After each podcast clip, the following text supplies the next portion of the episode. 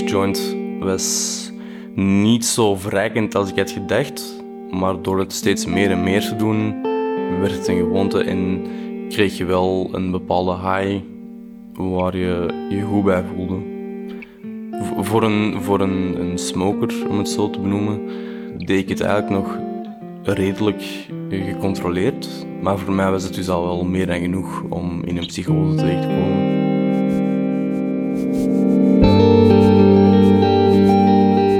Is Studio Brein, Verslaafd. Een podcast van Breinwijzer VZW over het mechanisme achter verslavingen.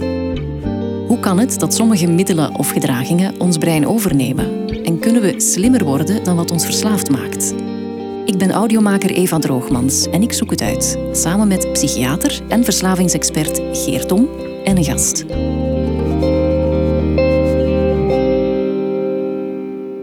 Lekker chillen met je vrienden en eindeloos gamen.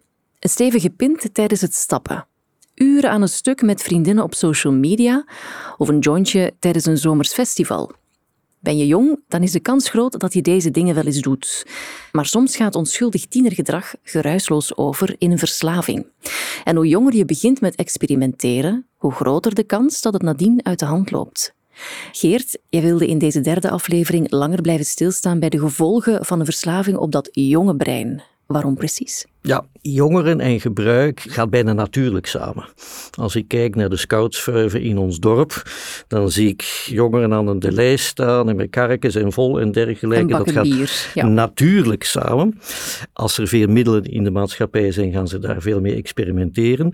Stukje normaal, maar dat heeft ook een boel gevaren dat zich met zich meebrengt. Veel ouders hebben daar vragen over, families hebben daar vragen over hoe daarmee om te gaan.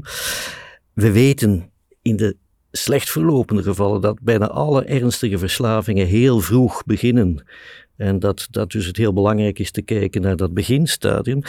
En wetenschappelijk, ook vanuit het breinperspectief, zien we toch heel veel nieuwe informatie, nieuwe kennis, nieuwe wetenschap opduiken, die toont die effecten van het gebruik op jonge leeftijd en wat de risico's daarvan zijn naar de toekomst. En het is dus heel belangrijk, denk ik, daar bewust mee om te gaan. Het motto jong geleerd is oud gedaan geldt hier heel hard duidelijk. Hoe vroeger dat je met dingen start, hoe langer dat je ermee bezig bent, hoe, hoe meer dat je problemen mogelijk gaat ontwikkelen. Mm. We zitten hier niet alleen vandaag. Je hebt uh, dokter Lieve de Bakker uitgenodigd. Dag Lieve. Hallo. Uh, wie ben jij en wat doe je? Ik ben uh, jongerenpsychiater en systeemtherapeut. Dat wil zeggen dat ik uh, op een afdeling werk voor uh, jongerenpsychiatrie, waar jongeren tussen 16 en 24 jaar behandeld worden met een psychiatrische problematiek. En verder werk ik in de Interactieacademie. Dat is een groepspraktijk, maar ook een instituut dat opleidingen voor systeemtherapie organiseert. En ik geef daar ook les in als gastprofessor, waardoor ik ook verbonden ben aan de Universiteit van Antwerpen.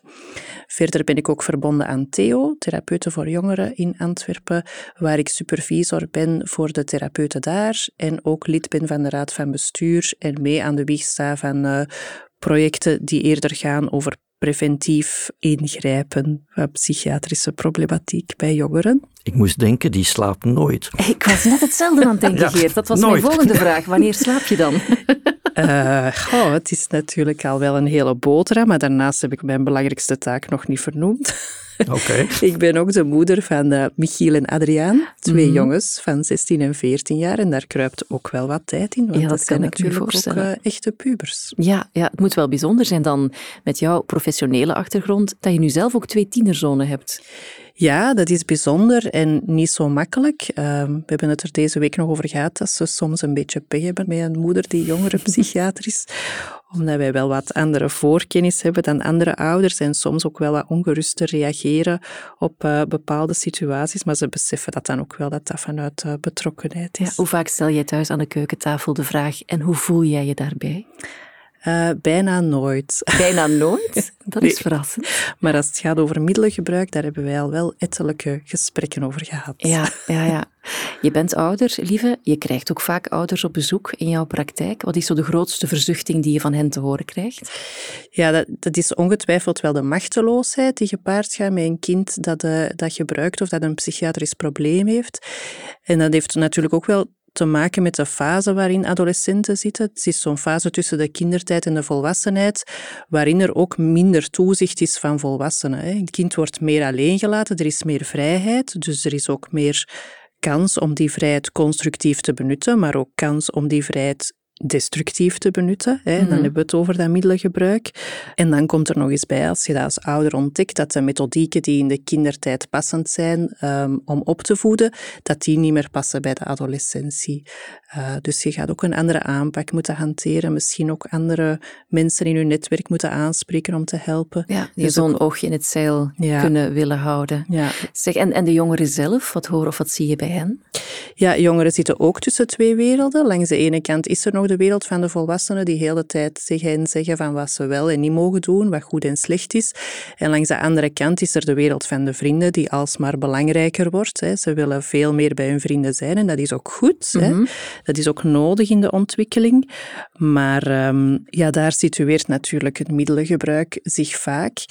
En het is voor hen ook heel moeilijk om te beslissen is het nu goed om middelen te gebruiken of niet? Ze zijn heel erg aangetrokken tot nieuwe dingen. Dat is ook in hun hersenontwikkeling uh, zo, dat nieuwe dingen worden veel belangrijker, veel mhm. interessanter. Ja. Dus het is ook voor hen heel moeilijk om te gaan kiezen van uh, is het nu goed om dat te doen of luister ik naar mijn ouders of zo. Ja. En luisteren naar je ouders, dat is niet meer hip hè, als je 15, 16 bent. Nee. Je kan hen geen beloftes doen natuurlijk hè, um, als zij bij jou komen voor een eerste gesprek. Maar hoe groot is de kans dat zij hun verslaving toch onder controle zullen krijgen? En waarvan hangt dat vooral af? Ja, het hangt heel veel af van de omgeving. Um, omgeving heeft echt veel invloed op tieners, want zij zijn eigenlijk een soort leerlingvolwassenen. Ze moeten hun sociale vaardigheden leren van de mensen die in de buurt zijn. Maar dat is natuurlijk niet de enige uh, invloed. Het is ook heel belangrijk wat dat jongeren al hebben meegemaakt. Of er trauma is in de voorgeschiedenis, of er misschien verslaving is in de familie, of dat zij misschien in armoede opgroeien. Dat zijn allemaal factoren die het veel complexer maken om het probleem opgelost te krijgen. Um, wat er in zo'n behandeling gebeurt, is kijken naar de functie van gebruik, naar de context, naar een constructievere coping, maar ook naar zinvolle daginvulling. En daar hebben we terug een verschil met volwassenen. Die kunnen terugkeren naar een toestand voor het gebruik. Zij hadden misschien werk en een woonst en, en een identiteit, maar voor jongeren zijn dat allemaal dingen die nog moeten ontwikkeld worden. Hè? Mhm. Ook stoppen met gebruik. Als je bijvoorbeeld 17 bent en je hebt een tijdje gebruikt, moeten dan ontdekken wie ben ik zonder dat ik onder invloed ben. Hè? Welk werk wil ik doen? Waar wil ik studeren? Waar wil ik wonen? Dat zijn allemaal dingen die nieuw zijn, dus maakt het ook wel complexer om mee te zoeken met de jongeren naar waar er naartoe gegaan moet worden. En je kunt niet gaan naar een toestand van daarvoor, want er is nog niks van daarvoor. Hè? Dus veel, veel vragen hoor ik. En waarschijnlijk voor de jongeren in kwestie op dat moment nog maar weinig antwoorden. Ja. Het is een belangrijk onderwerp, denk ik. Uh, uh, maar ik wil toch eerst nog eens heel duidelijk aangeven. Er zijn heel veel jongeren die gebruiken en gaan experimenteren. Maar veruit de meerderheid komt daar probleemloos door. Dat is wel belangrijk om mee te geven. Heel belangrijk om mee te geven. So, don't panic. Als je dan gaat kijken naar de kleine groep van jongeren die echt behandeling nodig heeft, dan denk ik dat het effect van die behandeling vrij goed is. Maar het grootste probleem in mijn ogen met de behandeling van jongeren met verslavingsproblemen is ze in behandeling te krijgen en vooral te houden. Hmm. En daar bots je net op die dynamiek die Lieve daar net vertelde. Met name, ja, jongeren willen eigenlijk wel vooral iets anders en een beetje weg zijn van die autoriteit. En als therapeut zit je daar heel dikwijls in. Dus een jongere vertellen dat je in behandeling moet blijven of moet zijn, botst meestal op nee dank u. Of botst meestal op ik kom eens één keer proeven en dan ben ik weg. Eens je een band hebt opgebouwd, denk ik is er heel veel mogelijk en is de outcome behoorlijk goed. Maar dat is, dat is daar een echt knelpunt.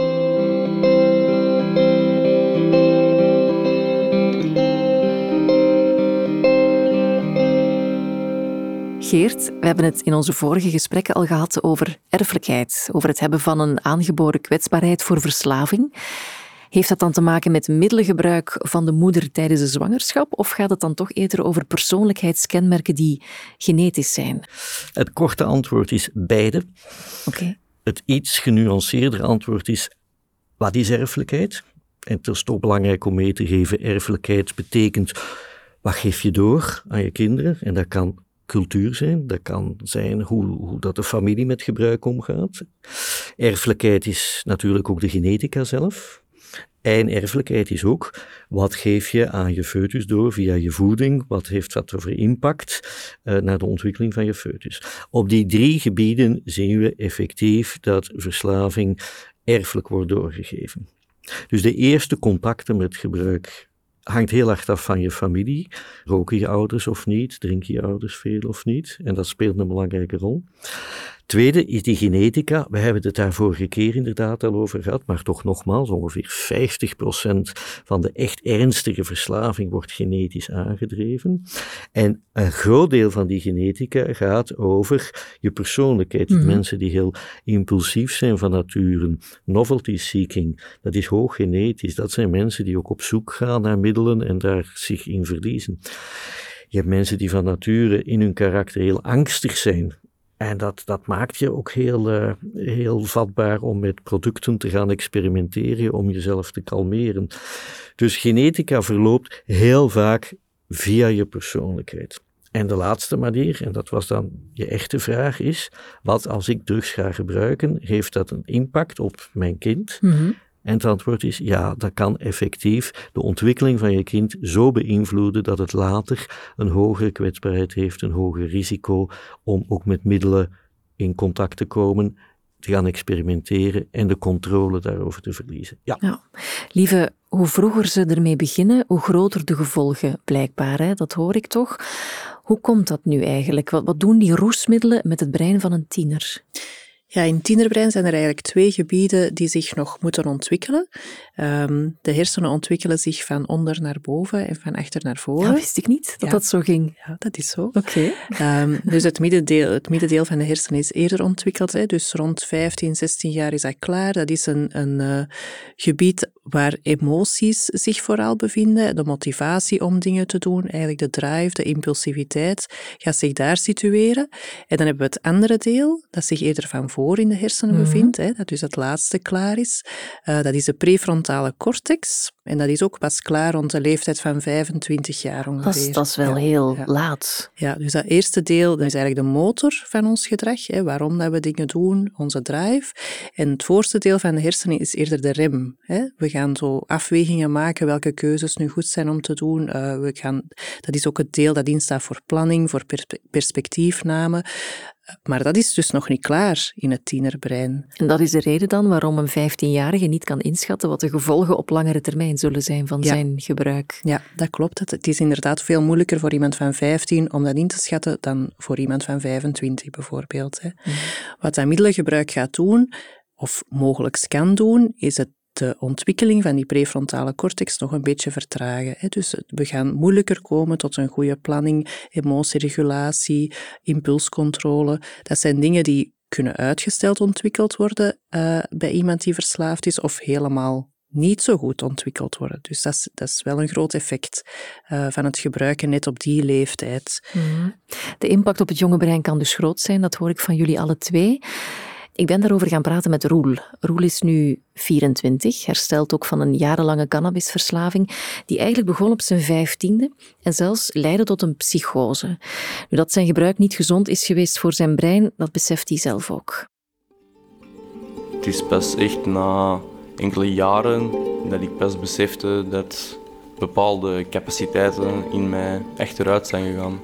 Mijn geheugen werd enorm hard aangetest op, op, op het laatste moment. Mijn snelheid in mijn denken, mijn reactievermogen werd ook aangetest, omdat ik met te veel dingen bezig was en te veel dingen tegelijk dacht. Uh, had ik nooit echt een klaar antwoord. Ik was langzamerhand ik ga het wegdrijven. Ik zou uitdrukkelijk Roel willen danken voor zijn getuigenis. Ik vind dat hij uh, heel belangrijke dingen naar voren haalt. Drie, met name A, cannabis. Eh, cannabis gaat meer en meer uh, overal als een beetje onschuldig, maar we weten duidelijk dat cannabis niet zo onschuldig is. Hè. En wat zijn de twee grootste gevolgen van cannabisgebruik, langdurig cannabisgebruik, intensief cannabisgebruik, is enerzijds forse impact op die, wat we noemen, die cognitieve hersenfuncties. En dat heeft dan te maken met geheugen, met uw leervermogen, met uw concentratievermogen, met uw reactiesnelheid, met uw capaciteit dingen op te nemen. Al die dingen die je nodig hebt om op school correct en goed mee te kunnen. En we zien dat cannabis daar een zeer grote negatief effect op heeft. Dus dat is één luik. Mhm. En een tweede luik is intensief cannabisgebruik op jonge leeftijd. En Roel is op jonge leeftijd begonnen. Zeker als het gaat over die heel krachtige cannabis, verhoogt beduidend het risico voor iemand om psychotische ervaringen te hebben. En à la limiet ook een echte langdurige psychose of psychotische stoornis te ontwikkelen. En tot slot, ja, dat klopt. Hè. Die cognitieve problemen die hij vermeldt, op zich, je voelt dat niet. Je voelt dat niet dat je geheugen achteruit gaat. Je gaat Dat- ook in stapjes veronderstel ik. dat hè? gaat in heel kleine stapjes, je voelt dat niet, dat doet geen pijn. Dus er is weinig signaal dat je zegt van, hé, dat is idem dito dat we zien met, je, je kent het probleem van het binge drinken. Ja. Hè, bij heel wat jongeren, jongeren, binge drinken, zeker die heel hoge pieken van alcohol, zijn heel slecht voor je hippocampale ontwikkeling. En dat heeft effect, maar op zich voel je dat niet. Wanneer begin je dat wel te voelen? Dat is als je in conflict komt, dat is als je in omgevingen komt waar dat je veel van die functies moet gebruiken. Geheugen, leren en dergelijke. Als het leven complexer wordt, lees als de schooltaken complexer wordt. Ja. En dan begin je te botsen en dan krijg je dat gevoel, ik kan niet meer mee of wel. En dat is wat Roel mooi vertelt in zijn verhaal, dus dank hem daarvoor. Lieve, jij werkt met jongeren dag in dag uit. Wat hoor jij in jouw praktijk zoal vertellen over dat allereerste contact met een roesmiddel? Waar en vooral met wie gebeurt dat zoal?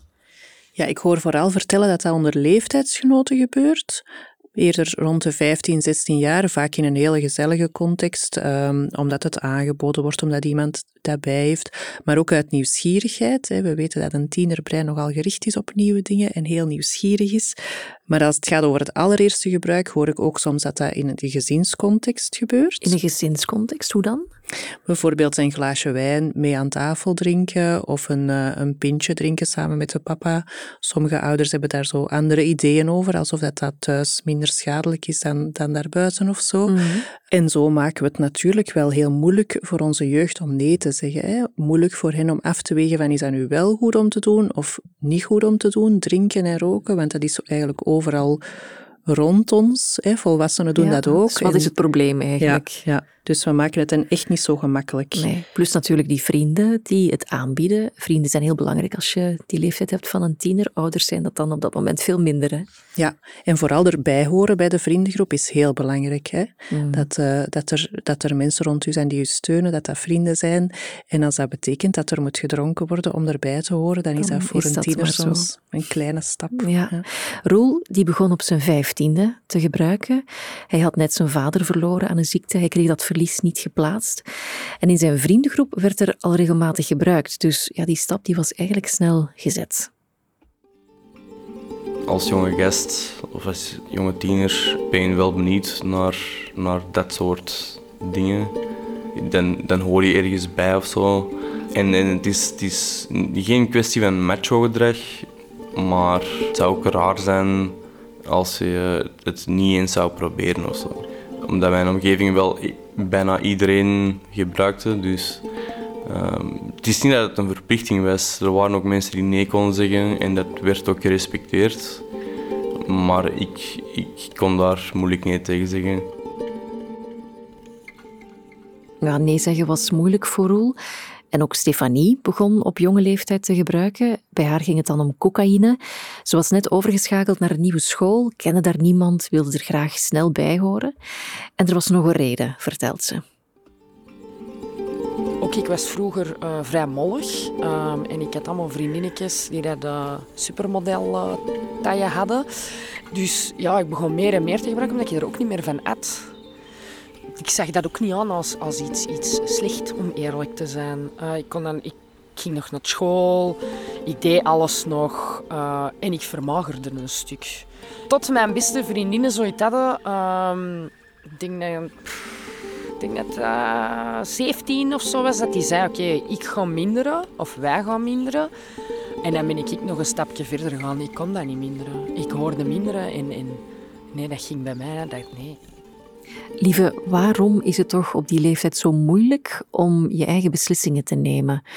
Heeft dat te maken met die prefrontale cortex van daar straks? Ja, die hersenontwikkeling is natuurlijk nog volop aan de gang. En we weten wel dat rond die leeftijd nieuwe dingen super interessant zijn. Als die nieuwe dingen dan ook nog eens verboden zijn, dan maakt het zeker de moeite om er energie in te steken. Um, we weten dat de impulsiviteit ook erg groot is op die leeftijd. Hè, dat die middenhersenen veel actiever gaan zijn dan de, de voorste uh, deel van de hersenen, waar de rem eigenlijk zit. Dus de impulsiviteit en die nieuwsgierigheid gecombineerd maakt natuurlijk dat er op die leeftijd wel een soort van openheid is voor dingen die eigenlijk ook verboden zijn en waarvan ze eigenlijk wel weten dat dat niet oké is, maakt het toch dat de stap naar gebruik soms wel gemakkelijker gezet wordt, ook in een samenleving waar alles wel makkelijk beschikbaar is. Mhm. Ehm, ook de houding van ouders of opvoeders uh, is wel veel bepalend. Het is wel soms moeilijk ook om grenzen te trekken, maar je moet wel echt als ouder optreden en niet als een vriend van je kind mhm. ehm, wanneer het over die dingen gaat. Ja, Geert, um, ik zou eens willen teruggaan naar jouw jongere jaren. Ik weet dat dat al een tijdje geleden is. Oei, Eva, Eva. maar heb jij ooit die druk van vrienden ervaren om iets te proberen waarvan je eigenlijk wist, hm, kan ik beter niet doen? Tuurlijk. En ik ik zal, ik zal zo dadelijk de zonden uit mijn jeugd aan je bloot leggen. De top 5. Houd u vast, want mijn jeugd heeft tot mijn dertigste geduurd. Dus er is wel wat. Voordat ik dat doe, als dat oké is met jou, wil ik toch nog eens even naar Roel en Stefanie gaan. Ja. Want eh, als je goed luistert naar hun verhaal, Roel en Stefanie, ik denk wat Lieve zegt klopt. Je hebt die, die, die verboden dingen, je hebt die naar buiten treden. Maar Roel en Stefanie zijn veel verder gegaan dan het experimenteren. En wat mij zo treft in hun verhaal is dat ze alle twee toch wel behoorlijk moeilijke dingen doormaken. Hmm. Roel met een forse verliessituatie, met mogelijk rouw daaraan gekoppeld, maar mogelijk ook het, het moeten zoeken naar een ergens zich aan vast verankeren, om daar een, een structuur in te hebben. Mm. Stefanie hoor ik veel zeggen over de moeilijkheden met zelfbeeld, zware moeilijkheden met zelfbeeld. En ik moet toch echt wel zeggen van de meeste jongeren die we zien waar dat het gebruik mee uit de hand loopt, als je daar goed naar luistert en goed in verbinding gaat, ga je toch merken dat er toch wel ernstige, moeilijke, emotionele of noem het psychische moeilijkheden of psychiatrische moeilijkheden dus die combinatie is een van de kwetsbaarheidsfactoren om het experimenteren los te laten. Mhm. Goed, maar dat wou je niet weten. Jij wou weten wat ik allemaal uitgesproken heb. Of je vroeger zondige dingen hebt gedaan, onder, onder invloed van vrienden, als tiener. Ja, ik heb zeker zondige dingen gedaan en misschien wel veel te veel die goed waren. Maar ja, jij wilt natuurlijk weten wat heeft hij gebruikt en wat heeft hij gedaan en dergelijke. Dus ja, alcohol roken en dergelijke. Maar ik wil toch meegeven, ik ken die kwetsbaarheden. Ik, ik heb cannabis gebruikt. Ik ben daar ook heel angstig bij geworden. Is dat zo, ja? Ja. Ik heb daar paniekaanvallen van gekregen. Dus ik, ik, ik, ik ken, ik ken die effecten en, en die combinatie. Dus ik denk dat het belangrijk is. Ik ken u zelf daarin in uw reacties, et cetera. Maar ik wil dat toch wel even meegeven. Ook uit respect voor getuigenissen van Roel en Stefanie.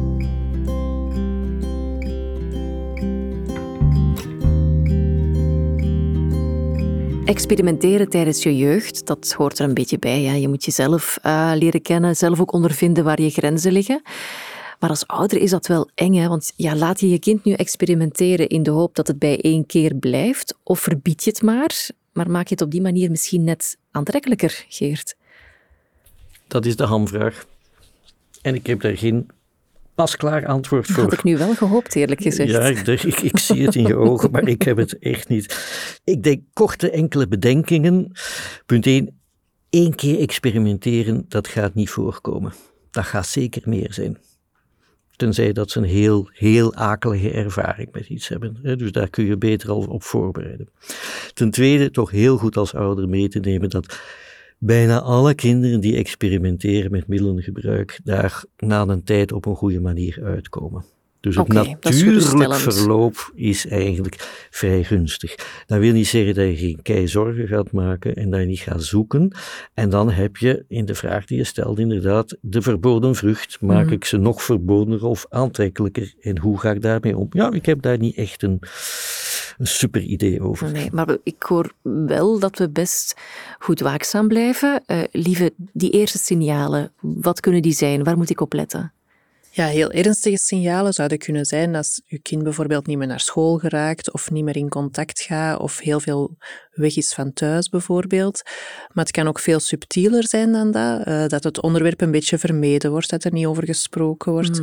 Ehm, maar voor hetzelfde geld valt het nooit op. Hè. Ik heb overlaatst een verhaal gehoord van een jongen die jarenlang cannabis heeft gebruikt en ook wel psychoses heeft gehad maar gewoon heeft verder gestudeerd en, en redelijke resultaten haalde op school en in zijn latere studies. En waar vele jaren geen vuiltje aan de lucht is geweest voor de ouders, totdat hij dan op een bepaald moment echt aan het bed van de ouders stond, heel angstig en zei van hij moet nu stoppen. Ehm, En die mensen kwamen uit de lucht vallen. Ja. Die wisten van Ja. niks. Ja. Stel, je komt te weten dat je tienerzoon of tienerdochter vaak joints rookt of in het weekend regelmatig ladderzat op de vloer van een vijfzaal ligt. Hoe moet je daarop reageren? Ja, elke crisis is een opportuniteit natuurlijk. Hè. Ehm, en we zitten dan met dat ontwikkelen tienerbrein. Dus het is wel de beste methode om gewoon open in gesprek te blijven, een open dialoog daarover te houden, over dat gebruik. Ook al is dat heel moeilijk op dat moment om niet boos te zijn of niet machteloos te zijn. Of bezorgd ook, hè? gewoon Ja. bezorgd. Ja, maar als je nu achterhoofd houdt dat zij soms ook niet de mogelijkheden hebben om, om te remmen, hè, wat middelengebruik betreft, maakt het dan misschien gemakkelijker om te begrijpen hoe het zo ver is gekomen. Ehm, dus een open dialoog erover houden, het echt als gespreksonderwerp houden en ook de jongeren informeren, want wij weten natuurlijk veel beter wat de gevolgen zijn van gebruik en wij kunnen dat veel beter in perspectief plaatsen dan zij. Dus dat ook blijven doen. Ja, blijven praten. Maar Geert, wat als je kind niet wil praten? Want tieners willen toch niet alles meer delen met mama en papa? Gelukkig maar. En ik denk ook niet dat je dat allemaal wil weten als mama en papa. Misschien ook niet meer. Maar goed, ja, dat is, dat is erg frustrerend en dat, dat is het, soms het bloed onder de nagels van bezorgdheid, boosheid en dergelijke. Ik denk dat daar het stukje acceptatie, keep calm, zelfs als je van binnen kookt, Mhm. en vooral toch blijvend de deur open houden, zelfs al wordt ze regelmatig gesloten door uw tiener. Ja. Lieve, hoe doe je dat thuis met jouw kinderen? Je hebt tienerzonen. Mogen zij experimenteren? Of zit je er heel kort op en verbied je alles wat daarnaar ruikt? Ja, ik vind dat helemaal niet zo gemakkelijk. Hè. Langs de ene kant wil ik ze die experimenteerruimte wel geven en besef ik ook wel dat dat nodig is. Eh, langs de andere kant heb ik al zo vaak gezien hoe erg het kan mislopen, dat ik hen daar ook voor wil behoeden natuurlijk. Dus we zitten een beetje tussen eh, in die spanning en dat beseffen zij ook wel, hè, dat ik er misschien anders naar kijk dan andere moeders. Ehm, wij proberen anderzijds thuis wel veel momenten te creëren van nabij. Dus eh, bijvoorbeeld samen eten, eh, zien dat er echt elke dag een moment is dat, wij, dat we samen zitten en dat er dus ook een gelegenheid is om dingen op tafel te leggen, eh, als die spelen bijvoorbeeld. Ik probeer er ook een beetje op te vertrouwen dat alles wat ik hen geleerd heb, dat zij dat gebruiken in hun, in hun beslissingen. Dat ik dat toch een beetje loslaat. En wij hebben sinds kort in de keuken ook een papier ophangen. En daar staat op bescherming aan de ene kant en eh, verantwoordelijkheid aan de andere kant. Waarmee dat wij willen zeggen, als zij kunnen bewijzen dat zij verantwoordelijk kunnen zijn in vele situaties, dat wij ook minder moeten gaan beschermen, maar ook omgekeerd. Ja, dat is wel een goede tip eigenlijk. Misschien moet ik thuis ook zo'n blad ophangen. Dus ik hoor jou zeggen, veel betrokkenheid. Eh Roel vindt dat ook heel belangrijk, maar hij zei ook in zijn gesprek met mij, als niets nog helpt, dan moet je blijkbaar toch gewoon loslaten, hoe moeilijk dat ook is als ouder. Bewaar altijd de band met je kind, ongeacht wat hij of zij aan het doen is. Probeer altijd op een liefdevolle manier je bezorgdheid te uiten. Probeer hen zoveel mogelijk te behoeden, maar als, als ze toch de hulp weigeren, laat hen gewoon tegen de muur lopen. Je wilt natuurlijk niet dat het zo eindigt, maar als ik naar mezelf en kijk, was er echt geen andere weg, denk ik. Ja, ik hoop dat ik dat nooit zou moeten doen. Ik zou niet weten hoe ik dat zou moeten doen in de praktijk. Lieve, jij werkt met jongeren tussen 16 en 24. Dat zijn eigenlijk jongeren die net op dat kantelpunt zitten naar volwassenheid. Maakt dat jouw job makkelijker of net niet? Ja, het is natuurlijk wel een erg complexe levensfase. Hè. Ze hebben veel ontwikkelingstaken te vervullen. Uh, de hersenrijping is nog niet voltooid. En de context verandert ook wel vaak. Hè. Het einde van het middelbaar, op kot gaan, andere woonst, andere vrienden soms, relaties. Hè. Er zijn veel veranderingen in die levensfase. En dat maakt, maakt de problemen soms ook wel complex. Mm langs de andere kant is het ook wel een van de doelgroepen die het meest potentie heeft om te verbeteren. Er zitten in jongeren superveel mogelijkheden, er is nog veel groei mogelijk en misschien dat wij dat soms als volwassenen niet meer goed zien of zo. Ehm, maar ik ben wel fan van onze jeugd. Ik, ik, ik geloof er wel in dat dat, dat het wel goed kan komen. Ja, we weten dat de impact van roesmiddelen op het jonge brein best stevig kan zijn, dus voorkomen is beter dan genezen. Geert, er gebeurt ook al wel wat hè, rond preventie, bijvoorbeeld op school. Ja, er gebeurt flink wat. Uh, zeker wat betreft informatie geven, psycho-educatie. Het, het een ervaringsdeskundige die komt getuigen. Vraag die ik daarbij heb, en niet alleen ik, is, is dat wel de beste insteek? Uh, heeft dat wel echt effectiviteit? Uh, ja, onderzoek toont daar toch wel wat tegenstrijdige resultaten in. Ik denk persoonlijk dat we veel beter zouden moeten inzetten en veel vroeger om jongeren, specifiek jongeren met uitgesproken impulsproblemen, gedragsproblemen of andere categorieën van jongeren die zeer stressgevoelig zijn, angstklachten hebben en dergelijke. Mochten we daar echt op kunnen inzetten om die betere handvaten uh, aan te leren, copingvaardigheden aan te leren, dat gaat beschermend werken, zowel naar toekomstig middelengebruik als naar de controle, maar ook het ontwikkelen van algemene andere psychiatrische problemen. En gaat hen helpen om beter in de school te blijven, geen drop-out. We weten, drop-out is een ticket naar verder gebruik. Daar zouden we echt, echt veel meer energie moeten insteken. En ik zeg dat niet alleen. Ik denk dat er wetenschappelijk bewijs is dat daar insteken mogelijk maakt om goede veranderingen te creëren, specifiek voor die subgroepen van jongeren met kwetsbaarheden. Ja, Mijn oudste zoon die zit nu in het zesde leerjaar. Volgend jaar gaat hij naar het eerste middelbare, de grote wereld, uh, kijkt hij naar uit. Ik krijg het daar een beetje benauwd van. Maar volgens Roel ja, is die vrees ook wel een beetje terecht. Je zou verbaasd zijn hoeveel mensen aan drugs doen. Um, Zeker hier in Antwerpen is het denk ik makkelijker om aan drugs te raken dan een taxi te bestellen. Iedereen in mijn omgeving kan wel iemand uh, bellen of sturen die iemand anders kent of zelf iets kan regelen. Of kan u in contact brengen met. Het is, ja, het is vrij gemakkelijk. Ja, het is vrij gemakkelijk. Dat is niet echt geruststellend om te horen. Lieve, hoe bereid ik mijn zoon voor op die wereld? Of belangrijker, hoe hou ik hem veilig? Ja, ik zou zeggen, blijf erover spreken, blijf dat een thema houden uh, waarover gewoon open kan gepraat worden zonder te veel te oordelen.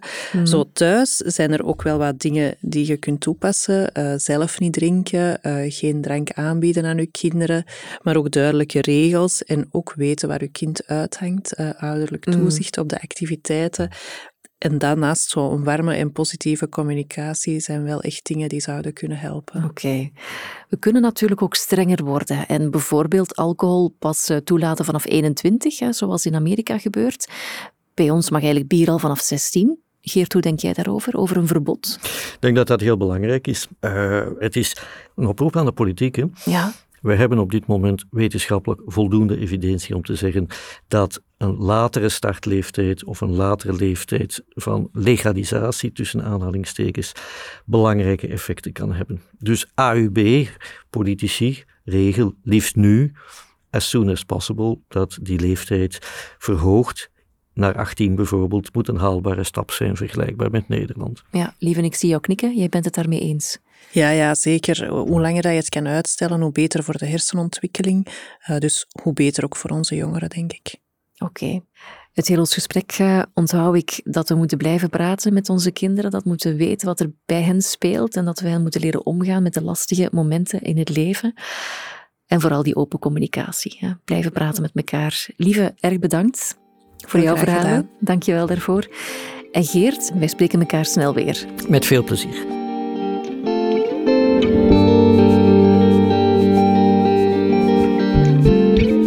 Dit was de derde aflevering van Studio Brein, Verslaafd, een podcast van Breinwijzer VZW. In deze aflevering hoorde je mezelf, Eva Droogmans, Geert Dom, Lieve de Bakker, Stefanie en Roel. Heb je vragen of wil je reageren, dan kan dat via info.breinwijzer.be. Wie meer info wil over preventie en behandeling van verslavingsproblemen, kan terecht bij het Vlaamse expertisecentrum alcohol en drugs via druglijn.be. Vond je deze podcast interessant? Dan kan je je abonneren in je favoriete podcast-app. Studio Brein, Verslaafd, is een productie van Uitgesproken. Ik deed de redactie en de research, Benjamin Hertogs deed de montage en Kiaran Verheijden schreef de muziek. Laure Balkaan, Katrien Henno en Stefanie Suarez deden de productie. Bedankt voor het luisteren en tot volgende week.